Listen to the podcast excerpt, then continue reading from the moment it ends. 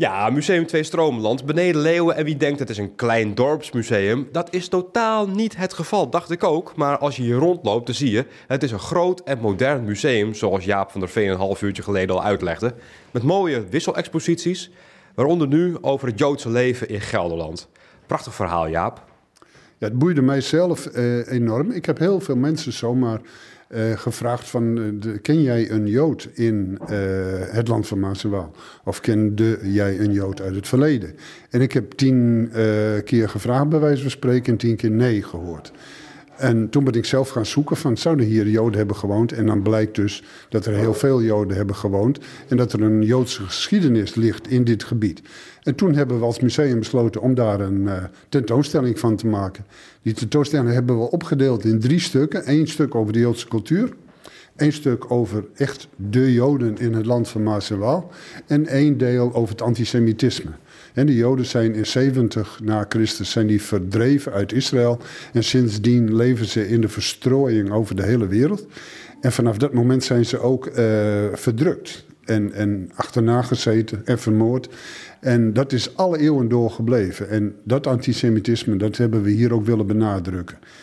Nog steeds is er antisemitisme wat bloeiend is. Binnenkort hebben we hier op 17 maart een lezing over iemand, een jonge man van 30, die dat dagelijks aan de lijve ondervindt. Hij komt er trots vooruit dat hij Jood is, maar hij wordt voortdurend belaagd door een groep jongelui uit zijn buurt. Dus, Waar is dat? Dat is in Wiegen. Hmm. En dus dat antisemitisme is niet van de Tweede Wereldoorlog of van de 19e eeuw. Dat is alle eeuwen door tot de dag van vandaag. En ook in Gelderland dus, ook in het land ja. van Maas en Waal. Ik zie hier bijvoorbeeld ook in de tentoonstelling over een, uh, een verhaal over de synagoge, de voormalige synagoge van Druten. Ja, Druten was het middelpunt van de, de Joodse gemeenschap. Uh, in de vorige eeuw. En dat eigenlijk in de 19e eeuw. Want in 1860 is hier een synagoge opgericht in Druten. En die is in, eigenlijk in 1910 alweer gesloten. In 1910 kwam er een einde aan de Joodse uh, gemeenschap hier in dit gebied omdat de Joden wegtrokken. Die gingen zich verzamelen in de grote steden. Nijmegen, Tiel, Amsterdam. Was er dan nog veel van te vinden? Want het is een geschiedenis van lang geleden, 150 jaar geleden. Dat viel best mee. Er is heel veel over te vinden. En hoe meer je zoekt, hoe meer je vindt.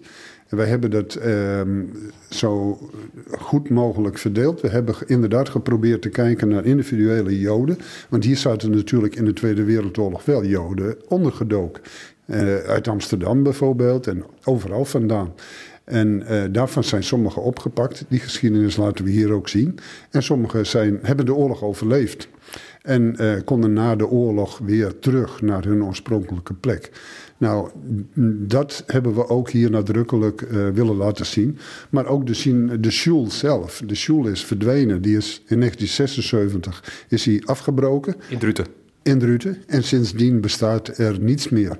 En wij hebben er nu voor gezorgd uh, dat er nu weer een bord, een heel duidelijk, fraai bord staat op de plek A waar de synagoge heeft gestaan, maar ook bij, uh, bij de Joodse begraafplaats in Druten. Die, die begraafplaats is ook verdwenen. Alle graven zijn gelicht en, en opgeruimd. En de gemeente moest daar zo nodig een sportveld aanleggen. Uh, wat er nooit is gekomen. En uh, daarom wilden we ook daar een herdenkingsbord bij plaatsen. En dat is inmiddels ook gebeurd. Dus uh, we proberen die herinneringsplekken ook weer boven water te krijgen. Zodat het ook in de toekomst, als deze tentoonstelling weer verdwenen is, volop plek nog is om die Joden te kunnen gedenken en herdenken. Het is een indrukwekkend verhaal, Jaap. Laten we nog eventjes een stukje doorlopen door de tentoonstelling over de geschiedenis van de Joden in het land van Maas en Waal. Ik zie daar een rode knop. Mag ik daarop drukken? Ja, dat mag. Wat hoor ik? Je hoort de shofar.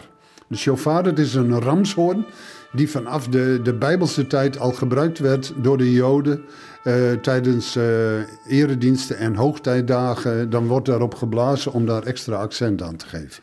Dat is een erg mooie toevoeging aan zo'n tentoonstelling. Ja. Absoluut, dat is ook de bedoeling. Want alleen zo'n ding zien zegt niks. Maar je moet dat geluid gehoord hebben, dan vergeet je hem nooit meer. Om het zeker bekijken.